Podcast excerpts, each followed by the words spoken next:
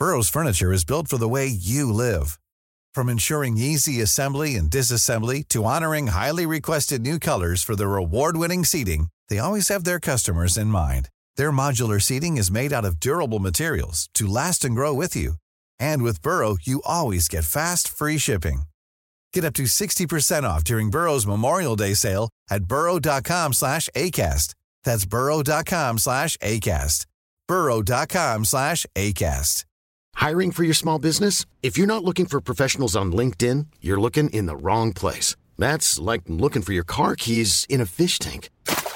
LinkedIn helps you hire professionals you can't find anywhere else, even those who aren't actively searching for a new job but might be open to the perfect role. In a given month, over 70% of LinkedIn users don't even visit other leading job sites. So start looking in the right place. With LinkedIn, you can hire professionals like a professional. Post your free job on linkedin.com slash people today. Planning for your next trip? Elevate your travel style with Quince. Quince has all the jet-setting essentials you'll want for your next getaway, like European linen, premium luggage options, buttery soft Italian leather bags, and so much more. And it's all priced at 50 to 80% less than similar brands. Plus, Quince only works with factories that use safe and ethical manufacturing practices. Pack your bags with high-quality essentials you'll be wearing for vacations to come with Quince. Go to quince.com slash trip for free shipping and 365-day returns.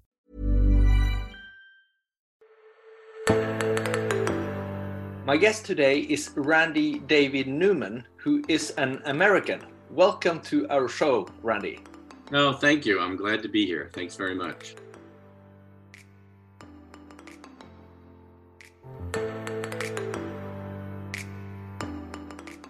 You have a book which is about to be published. I think it's in September, and it's called Mere Evangelism. And for Yes. those listeners who've heard about C.S. Lewis, it uh, is maybe something familiar about that title. well, yes. Um, well, we played uh, Mere Evangelism off of Mere Christianity, Lewis's title.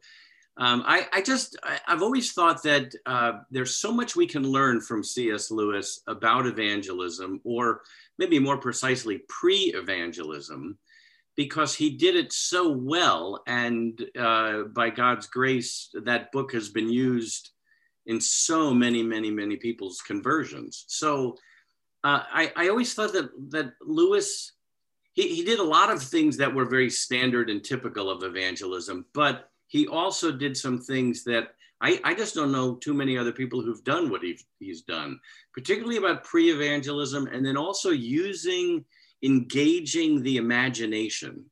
So I, I looked at 10 different things that I think we need to employ in our world today to connect with non Christians.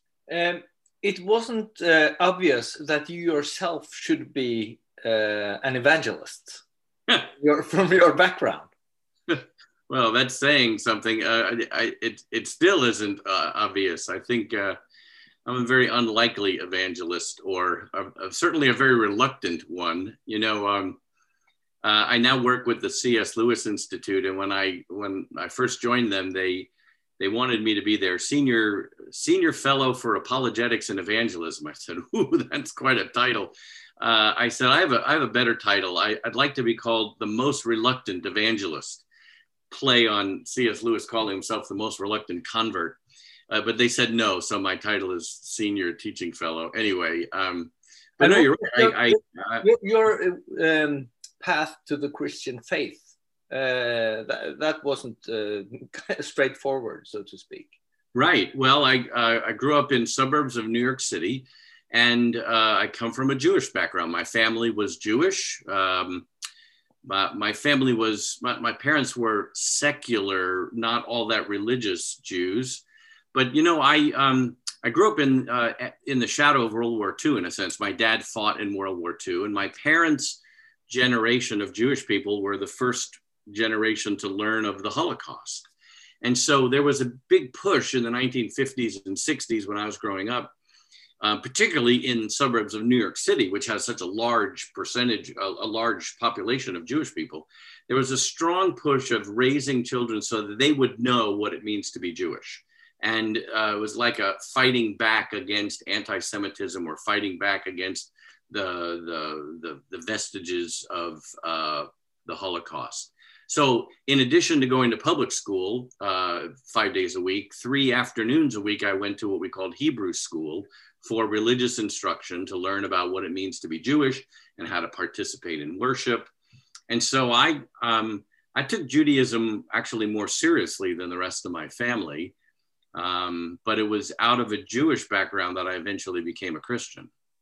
Uh, what did your Jewish background mean to you when you said that you, you took it seriously?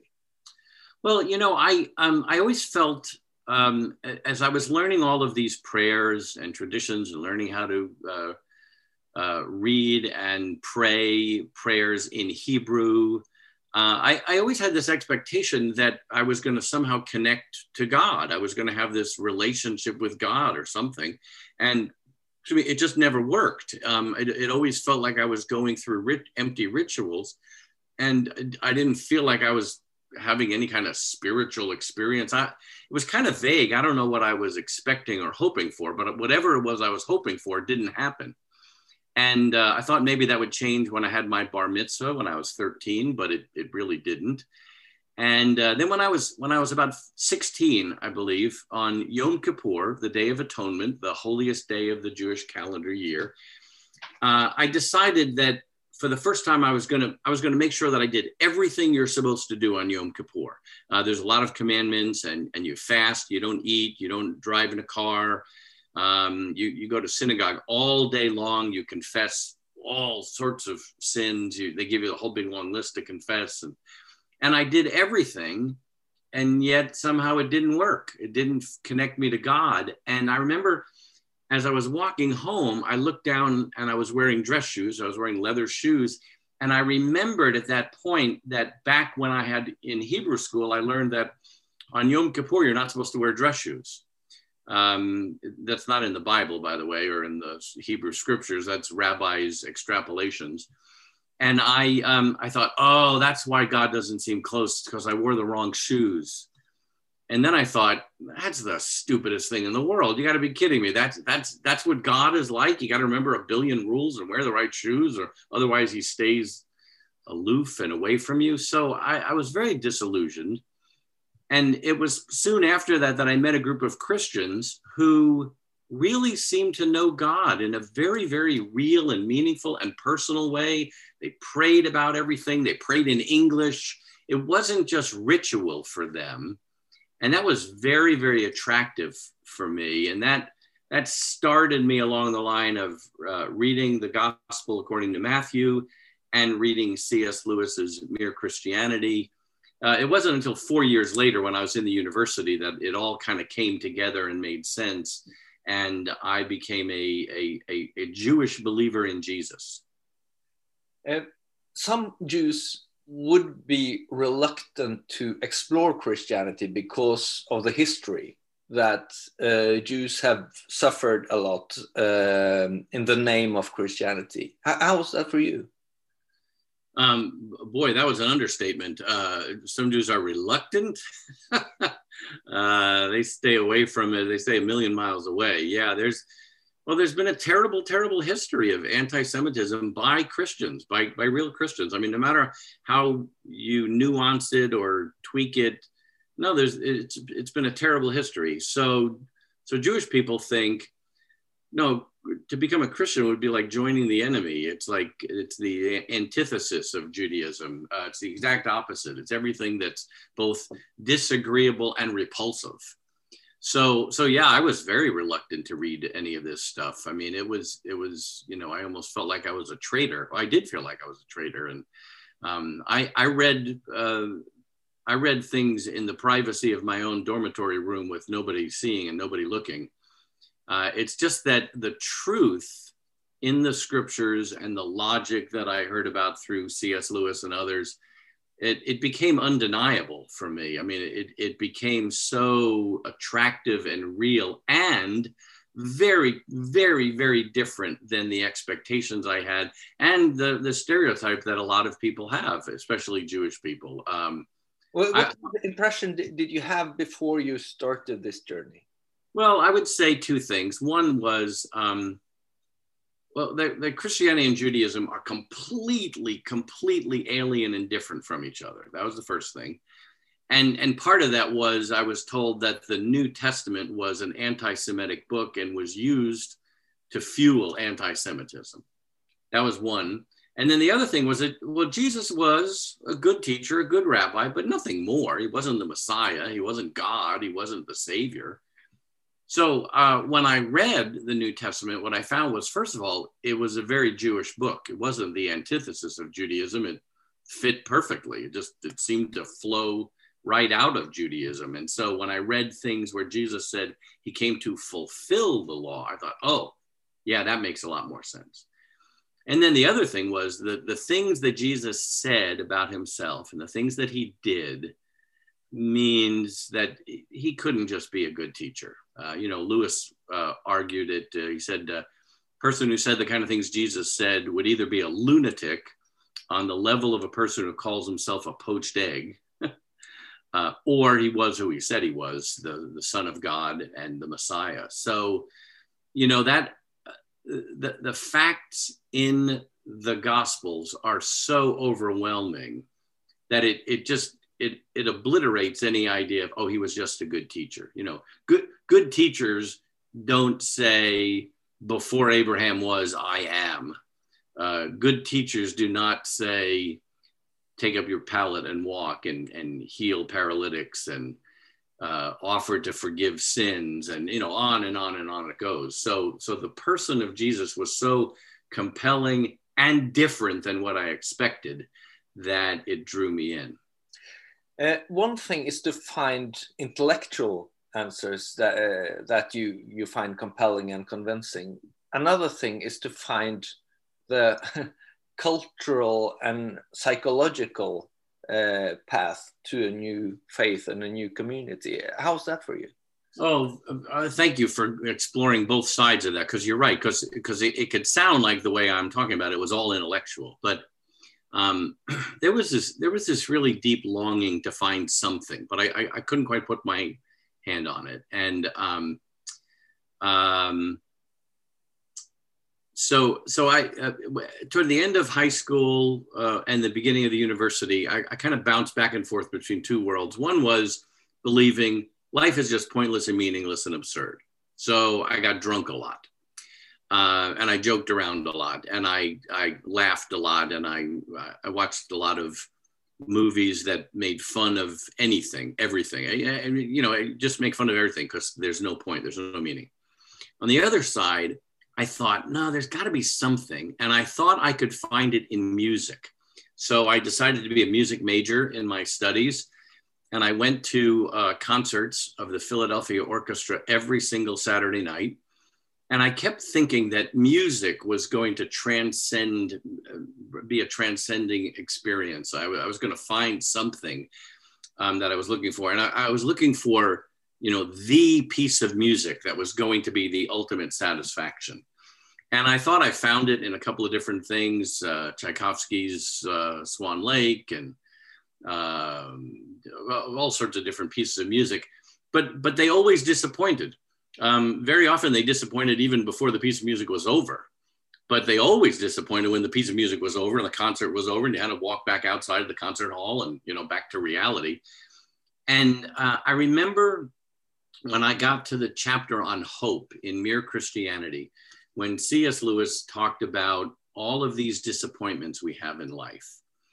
And, um, uh, you know, it could be a job or a vacation or a spouse or wh- whatever it is. There's, there's always some level of disappointment. And he goes out of his way to say, I'm not talking about the bad ones. I'm talking about the very, very best of ones, you know, the, the, the nicest vacation and the most fulfilling job. And she's, she's a wonderful wife. And, but there's always this disappointment and and he said uh, you could you could handle that disappointment by either becoming absurd and you know ridiculous and a cynic um, which is what i had been doing a lot or or you can become a hedonist you keep searching after another spouse another vacation another experience or and i totally didn't expect this he said the christian response is to believe that if i find in myself a desire which no experience in this world can satisfy the most probable explanation is I was made for another world.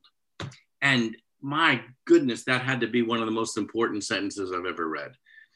Um, that that was it. I, I the reason why all these things are disappointing is because they're only pointers. They're not the destination itself.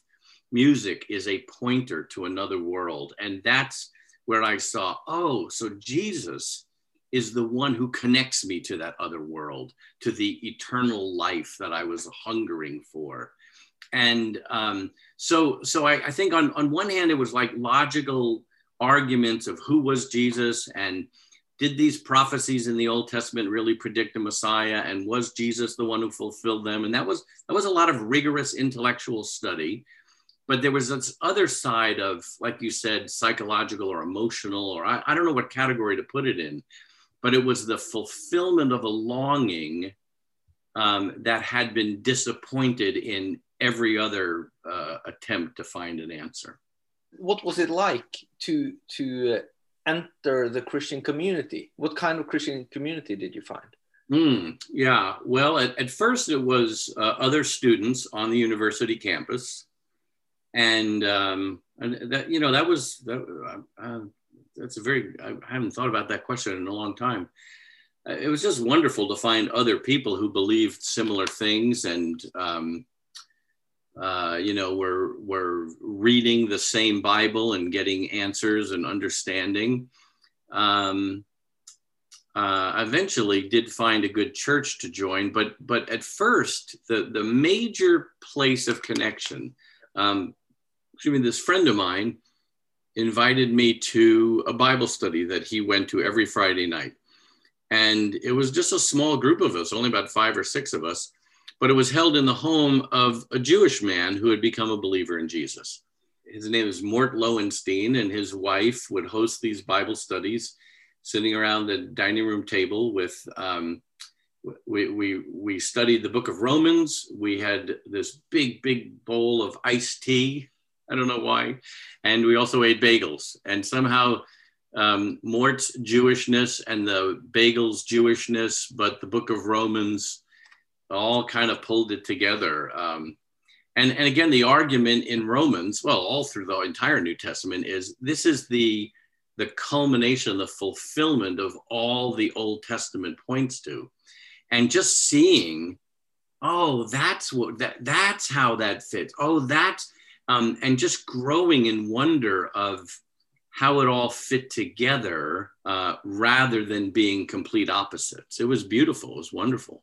What consequences did this have for your life? What you uh, chose to, to do uh, for a living? Oh well, it didn't. It didn't have that um, consequence right away. I mean, there was still quite a few years. Um, um, let's see consequences. Um, well, at, at first, uh, some of the consequences were were not that pleasant of telling my family about this. They weren't too happy, but they um, they, they wanted to try to be true liberals and say, well, if this if this makes you feel good, great. Just um, I remember my mother telling me, just don't go try to change the world. um, so um, I think uh, another thing. Well, I started having a completely different group of friends uh, and I um, stopped getting drunk. Um, although it's funny, no, nobody ever told me that you know stop getting drunk. Nobody gave me a rule or something. It just seemed that that was kind of pointless and and uh, totally unnecessary. Now that life had meaning and point to it, uh, why why would you want to get drunk? Um, why you want to be paying attention as much as possible? So.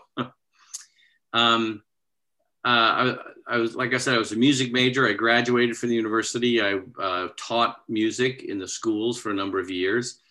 Um, but I was, I was sensing that I, I, was enjoying leading a Bible study and meeting with students on my, the campus where I had graduated from. And I was volunteering with a Christian organization, uh, Campus Crusade, now called Cru. and and so that was just so much more rewarding and i i found that uh, as much as i loved music it probably shouldn't be the job the career the calling that i pursue it's it's a great calling but uh, it really wasn't the one for me uh, i wasn't i wasn't good enough and it, it just wasn't the right fit but but teaching and discipling people was just so more in my I don't know, center. Uh, so after a few years of teaching music, I joined the staff of Campus Crusade, and I did that for over 30 years. And um, it was really wonderful. And it was campus ministry and evangelism and discipleship, and uh, ministry flowed uh, through that vehicle for quite a long time. Um, there seems to have been a, a shift also in the United States that more people are uh, estranged from uh, traditional Christian belief uh, and, and have become more secular. We, we talk about the nones in, in, the United States. Uh, around one in four Americans would say that they don't identify with any particular belief. Um, did, did you yourself, and, and, of course in, in Europe it's it's uh, even higher. But but did you in your ministry among students see a development when it came to what people uh, knew about Christian faith and what ideas they had about what's it like being a Christian? Oh, yes, very much so. And uh, you're right, it, it has been a very steady climb in the direction of secularism. Um, I, I, would say it's been moving that way for quite a long time, but my guess is if, if, if it was being a chart, the, uh, the curve would take a dramatic turn so that it, it's really accelerating now. Um, you know, it's interesting. Um, as I said, I was part of a, a really a worldwide organization, but um, uh, we, we did a lot of conferences and things together with other parts of the United States. But I was always on the East Coast in big cities. So I, I went to college in Philadelphia. Uh, when I joined the staff, I, I, had a couple of years in um, Pittsburgh and then Baltimore and then Washington, D.C. And East Coast large cities were further along on the secularism path than the Midwest of the United States or the South of the United States. I, I imagine it's similar. I mean, in Europe, uh, well, Europe is is is all rather secular, but there are parts that have had some uh, strong history in Christianity more than others. So, so for me, it was I, I would go to these conferences and I would hear about methodology and evangelistic strategies that worked really well in the Midwest or the South. And I remember thinking, I don't think those things are going to work where I am. And uh, the great thing was I, I, was given a lot of freedom to experiment. So I, I, think I tried a lot of those things that worked pretty well in other parts, and they just didn't work at all. People didn't want anything to do with what we were talking about. Uh, why is that? What's the difference between talking to, about the, the Christian faith to a secular person and to a person who is maybe a, a cultural Christian but not a, yeah. not a, devout Christian? Well, there's two things. Um, one is the starting point, and then the other is the um, the emotional tone. So, um, in some parts of the United States, back certainly when Campus Crusade started in the 1950s and the 1960s. You're right, there were many people who were culturally Christian, even if they weren't born again Christians, but they shared a lot of starting points or a, a lot of assumptions. So you, you could say to someone, um, uh, if it was possible to have a personal relationship with God, would you want one? And a whole lot of people would say, wow, that sounds great. How, how do I do that? And and when, when you said God, the God that they were thinking about was the same God you were talking about. They, they had kind of a they had kind of a biblical view of God, even if they didn't know where they got it from. It was just sort of in the culture. And uh, people believed that there was such a thing as right and wrong. There was sin. They were probably sinful. They knew that. Uh, they had heard of Jesus. They they thought um, he might have something to do with it. And so, um, evangelism for a lot of the United States in the 1960s and 70s was just sort of connecting dots that people already believed. That's the way Tim Keller talks about it. it was connecting the dots. So they had they already had the dot of this is the God we're talking about. And yes, there is such a thing as sin, and something has to be done about this. And I'm probably not going to be able to solve this problem myself, or those kind of dots. Um, well, in Baltimore, when I was there in the, the 1980s and uh, Washington, D.C. in the 1990s, people didn't have those dots already, or, or so you had to you had to first kind of say, well, let me tell you about this God that I'm talking about. The other thing is, th- there was a period of time when people were positively predisposed toward Christianity. Oh, Christianity is a good thing. Uh, even even people who weren't Christians, you know, Christians are good people. That you know they're probably making the world a better place.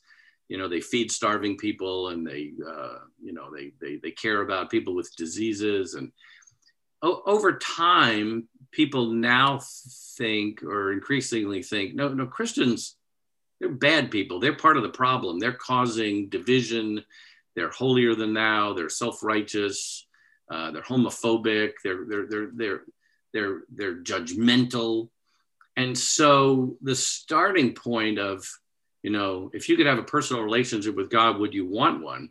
On the intellectual side, people are thinking, well, which God are you talking about, and how do you know this? And um, aren't you being rather judgmental of telling me that that my way to live is wrong and that's on the intellectual side on the emotional side it's ooh you're a repulsive per- i don't want anything to do with you why I'm, i don't even want to talk to you let alone hear what message you have so now maybe i've overstated things a little bit but but not too much i don't think so so evangelism today has to be preceded the way C.S. Lewis did in Mere Christianity with let's back up a little bit and talk about how, how do we know anything? How, how can we be sure of anything?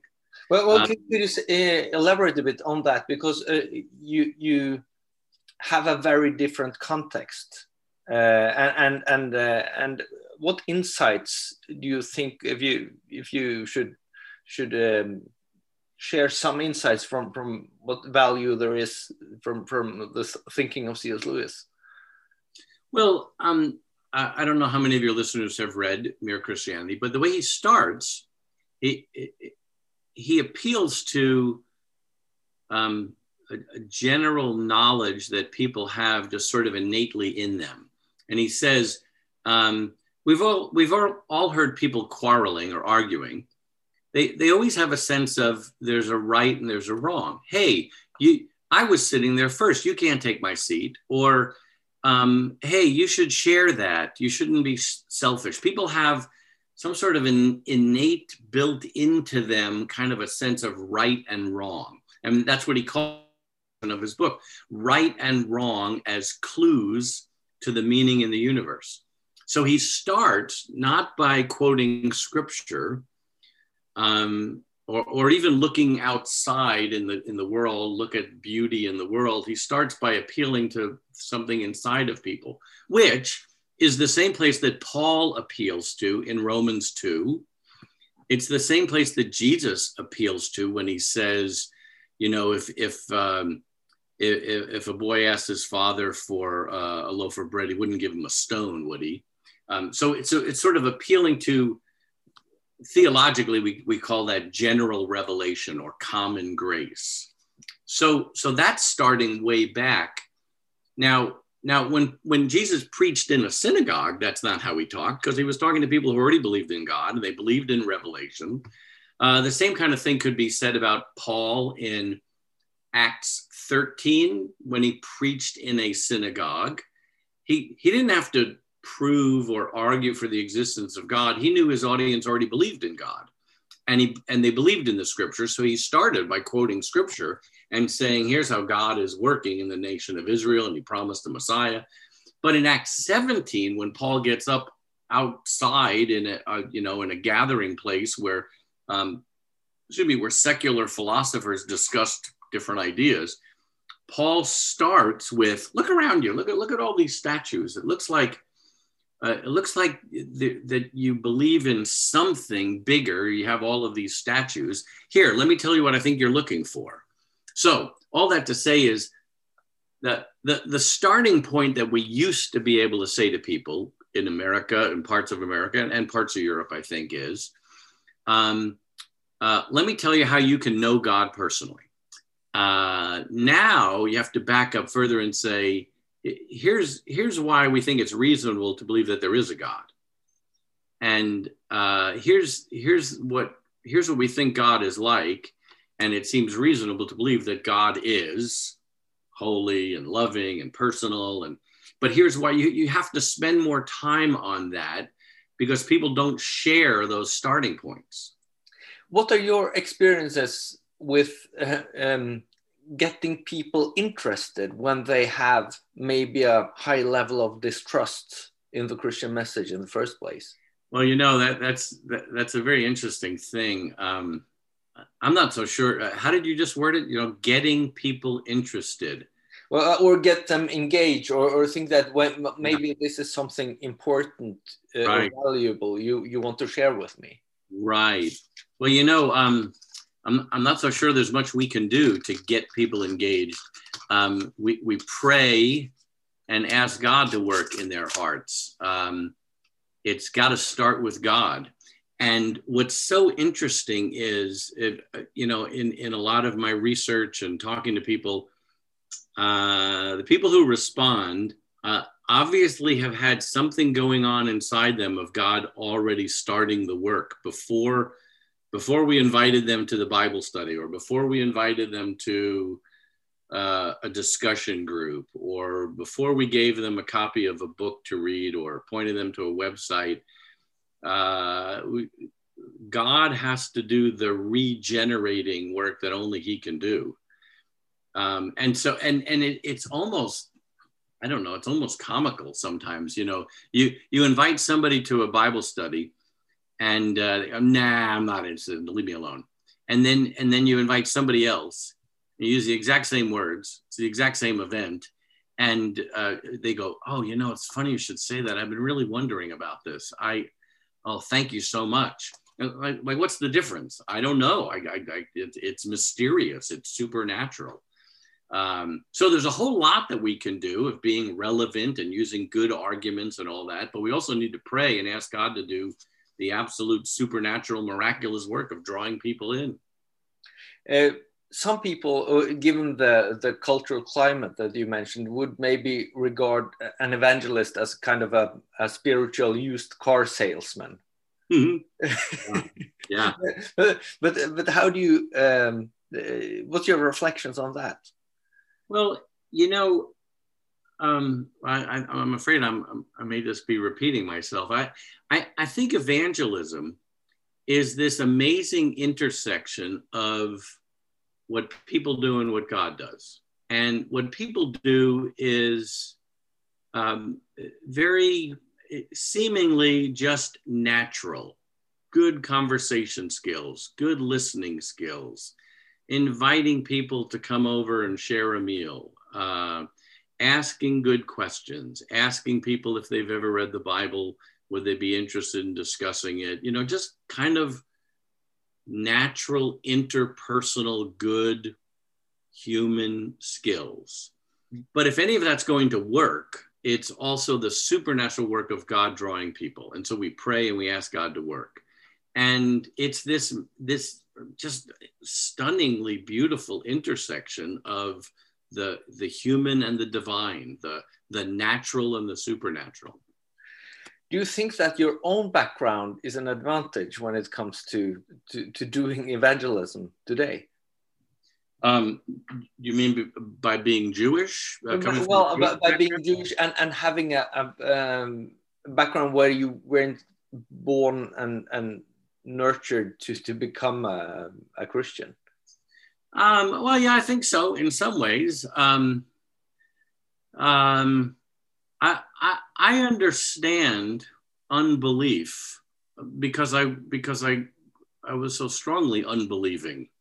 Uh, I, I mean, there was there was a very clear delineation for a long period of time of no, I'm not a Christian. No, absolutely not. It's terrible. I, I, I don't want anything to do with that.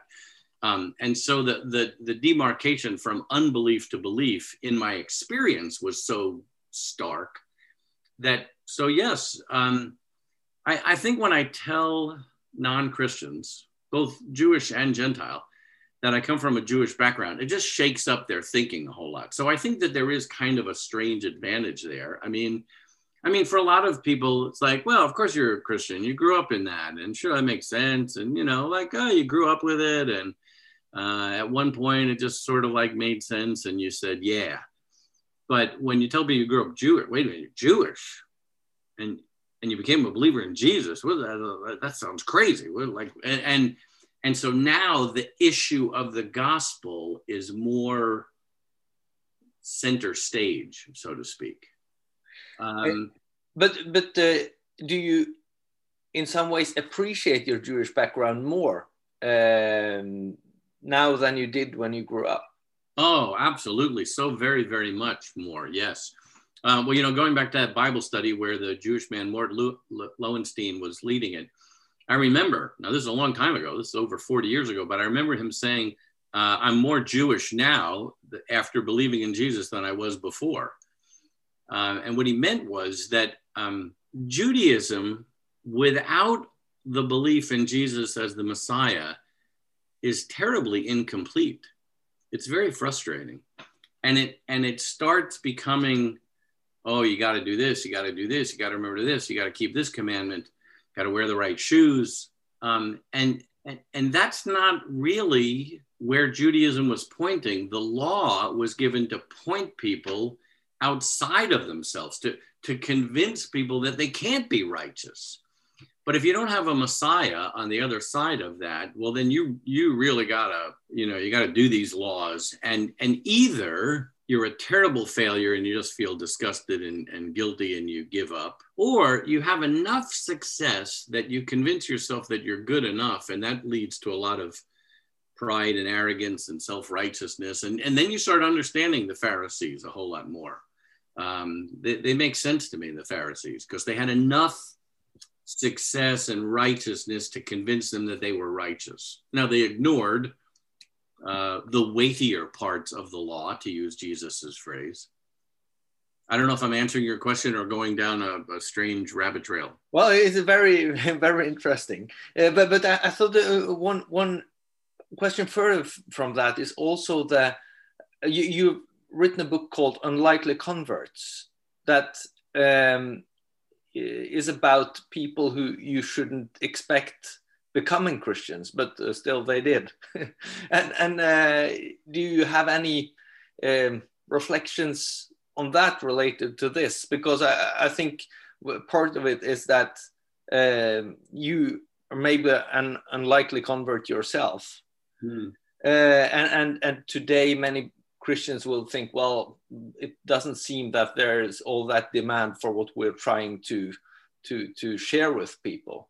But but uh, you've met people who who became Christians who who had no plans to do so.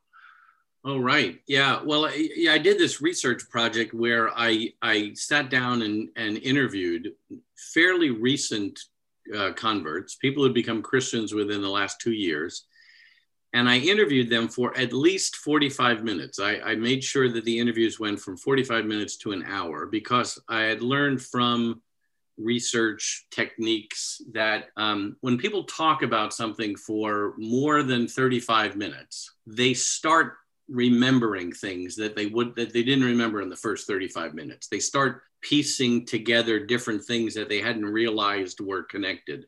So there, there's something about a long form interview uh, where, where lots of things start coming into uh, better focus than if you just did a quick questionnaire. The questionnaires are also good for other reasons, but so I, I conducted over 40 interviews with people um, and just listened to their stories and tried to find out what how, how did God work in their lives? And um, I, I knew that these were people who had actually become Christians because I was given their names by campus ministers or pastors. So I knew that these were success stories, so to speak.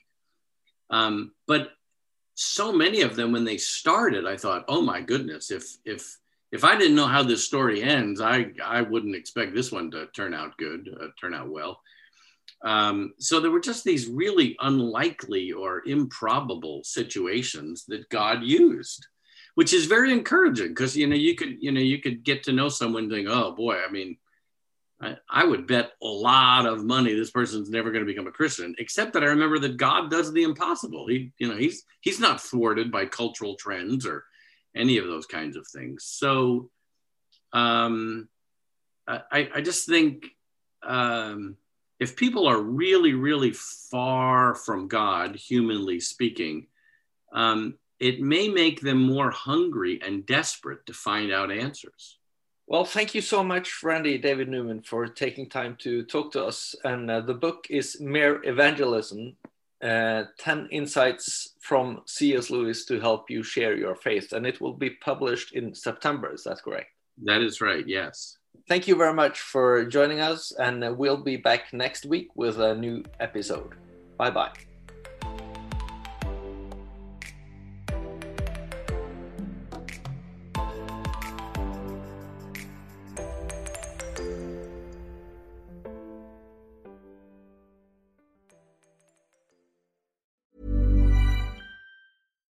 Here's a cool fact a crocodile can't stick out its tongue. Another cool fact you can get short term health insurance for a month or just under a year in some states. United Healthcare short term insurance plans are designed for people who are between jobs, coming off their parents' plan, or turning a side hustle into a full time gig. Underwritten by Golden Rule Insurance Company, they offer flexible, budget friendly coverage with access to a nationwide network of doctors and hospitals. Get more cool facts about United Healthcare short term plans at uh1.com. Hi, I'm Daniel, founder of Pretty Litter. Cats and cat owners deserve better than any old fashioned litter. That's why I teamed up with scientists and veterinarians to create Pretty Litter. Its innovative crystal formula has superior odor control and weighs up to 80% less than clay litter. Pretty Litter even monitors health by changing colors to help detect early signs of potential illness. It's the world's smartest kitty litter. Go to prettylitter.com and use code ACAST for 20% off your first order and a free cat toy. Terms and conditions apply. See site for details. Even when we're on a budget, we still deserve nice things. Quince is a place to scoop up stunning high end goods for 50 to 80% less than similar brands.